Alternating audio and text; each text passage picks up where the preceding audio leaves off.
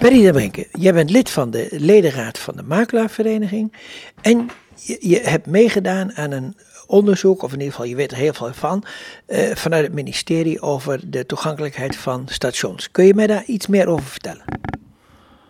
Ehm, daar kan ik iets meer over vertellen. Eh, de aanleiding was dat ik zelf bij de jurering van de beste openbare ruimte van Nederland betrokken was.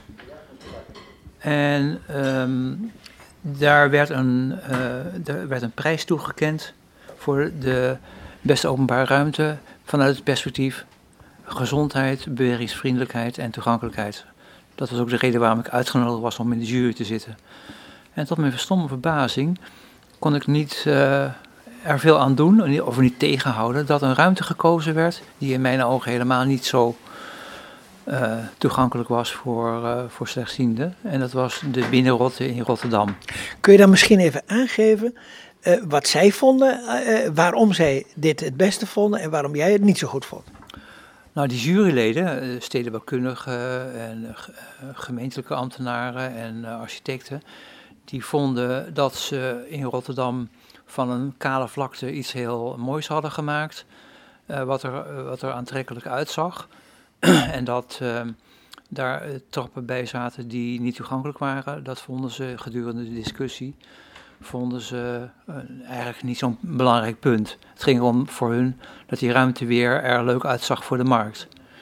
En uh, letterlijk werd er gezegd van ja, als er dan ergens een achteraftrapje is dat uh, niet toegankelijk is, dan mag daar het project niet op, op afketsen dan maar een aparte prijs voor uh, toegankelijkheid. En daar ga ik dan, zei de man die dat dan zei, in zo'n jury ga ik niet zitten. Nou, dat was, ik ben toen, omdat ik toevallig in Rotterdam uh, regelmatig kom, gaan kijken naar die plek. En toen bleek dat uh, die, dat achteraf trapje wat we dan op een foto zagen, onderdeel te zijn van een hele grote trappenstructuur die overal eventueel ontoegankelijk was.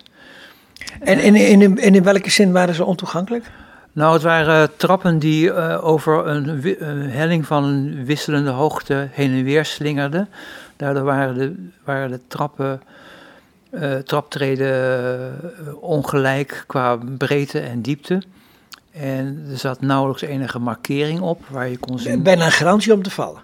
Ja, en alleen maar op de bovenste en de onderste zaten hier daar wat stippen. Nou ja, daar kun je weinig uh, van zien. Zelfs mensen die goed kunnen zien, kunnen niet goed zien hoe die uh, zo'n trap af moet lopen.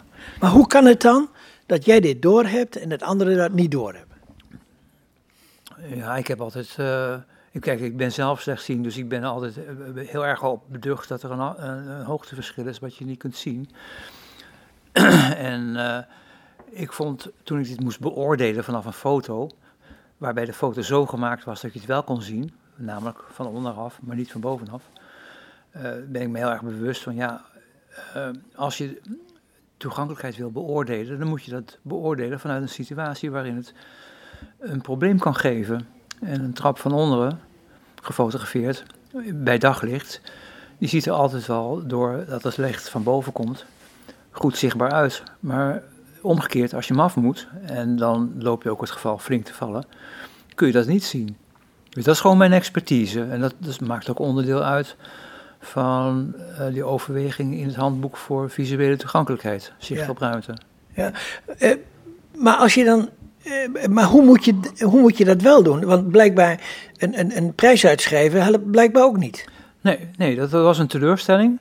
Maar iets anders was ook een teleurstelling: dat er een project liep vanuit VWS over de Dat is VWS, dat is het ministerie, ministerie. Van, ministerie van Volksgezondheid, Welzijn en Sport. Oké. Okay. een project liep waar met, de, met de bedoeling alle stationsgebieden toegankelijk te maken. En um, dat project was al opgestart toen ik de, die Wacht even, we hebben, de, de stations zijn op zich toch wel redelijk goed toegankelijk. Dat doet ProRail toch redelijk goed. Maar hier gaat het nu om het stationsgebied. Stationsgebied, ja. Ja, en dan, uh, dit was dan wat, wat ik nu gekeken heb, hè, de binnenrotte, dat als voorbeeld. Een voorbeeld van een trap die uh, Binnen Rotterdam, in Rotterdam? In Rotterdam, ja. In, die helemaal niet toegankelijk was. In mijn ogen, voor slechtzienden.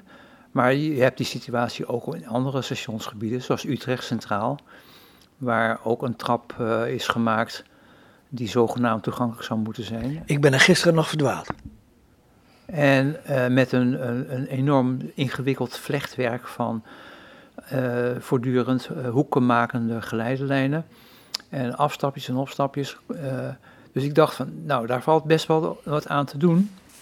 En ik heb dat toen in een gesprek wat ik had met secretaris-generaal van het ministerie van VWS, naar aanleiding van het doelgroepenvervoer, waar we het zo even over hebben gehad, eh, ook daarover gehad.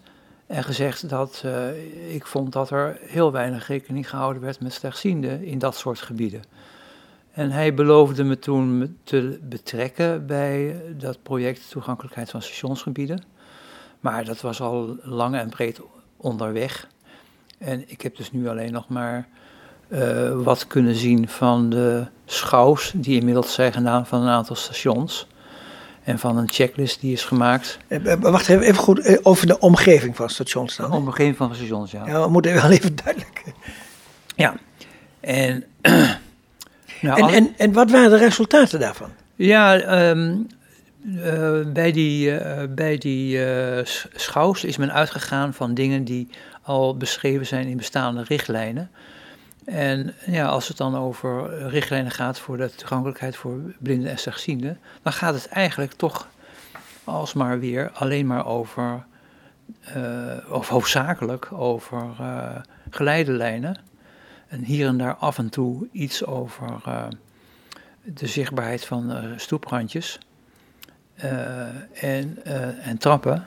Betekent dit dat, dat er wel wat wordt gedaan voor blinden, maar niet voor slechtzienden?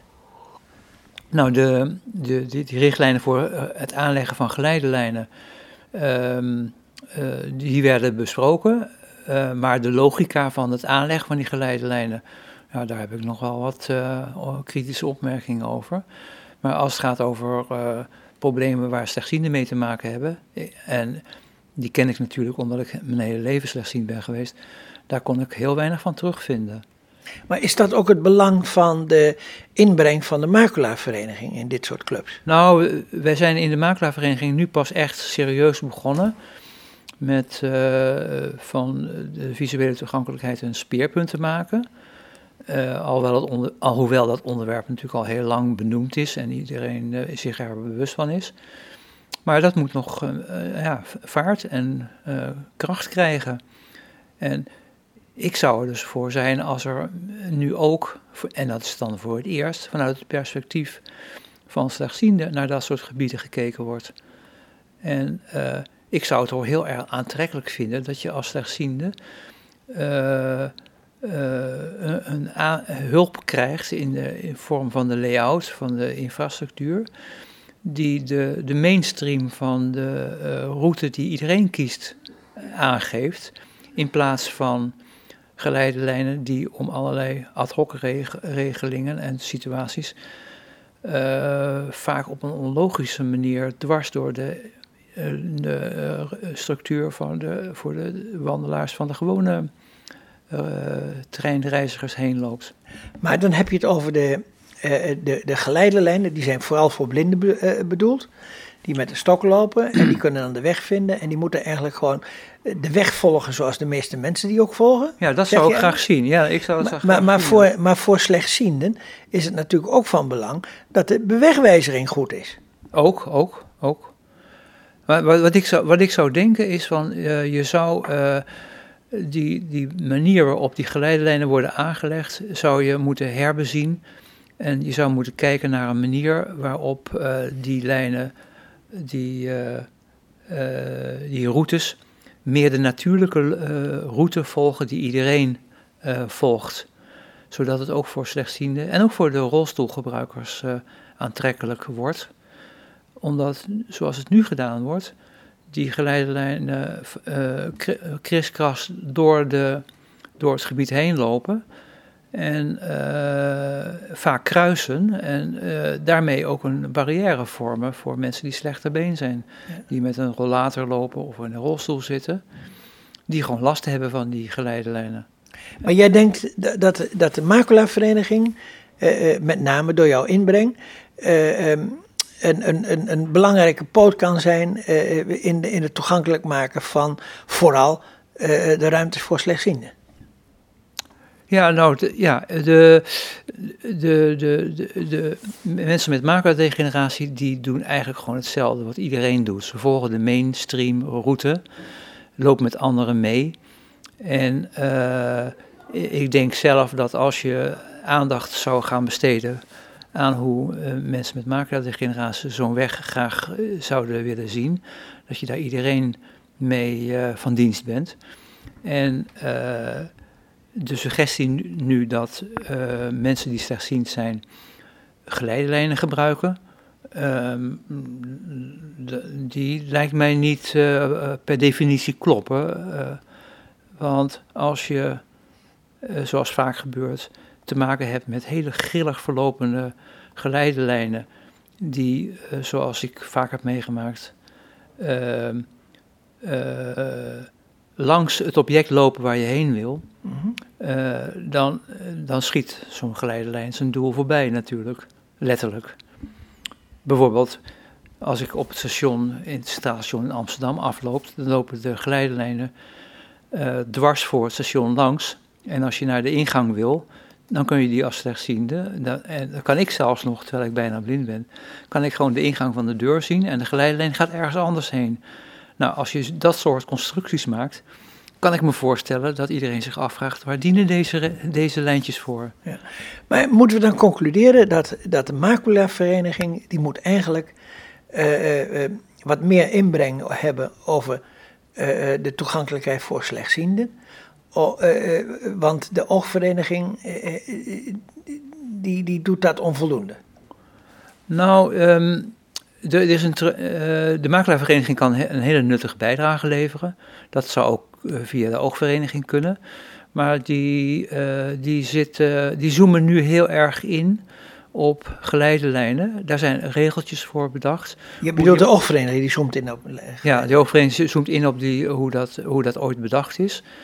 En uh, ik denk zelf dat uh, de, hoe de, de manier waarop geleidelijnen worden aangelegd een keer herbezonnen moet worden. Maar dat is net herbezonnen, heb ik begrepen. Nou, ik denk het niet. Uh, Kijk, uh, de, het grote probleem met die geleidelijnen is dat zij een aanvulling zijn op gidslijnen. Uh, en gidslijnen die, uh, die dan op een natuurlijke weg de, aangeven hoe je kunt lopen om je doel te bereiken.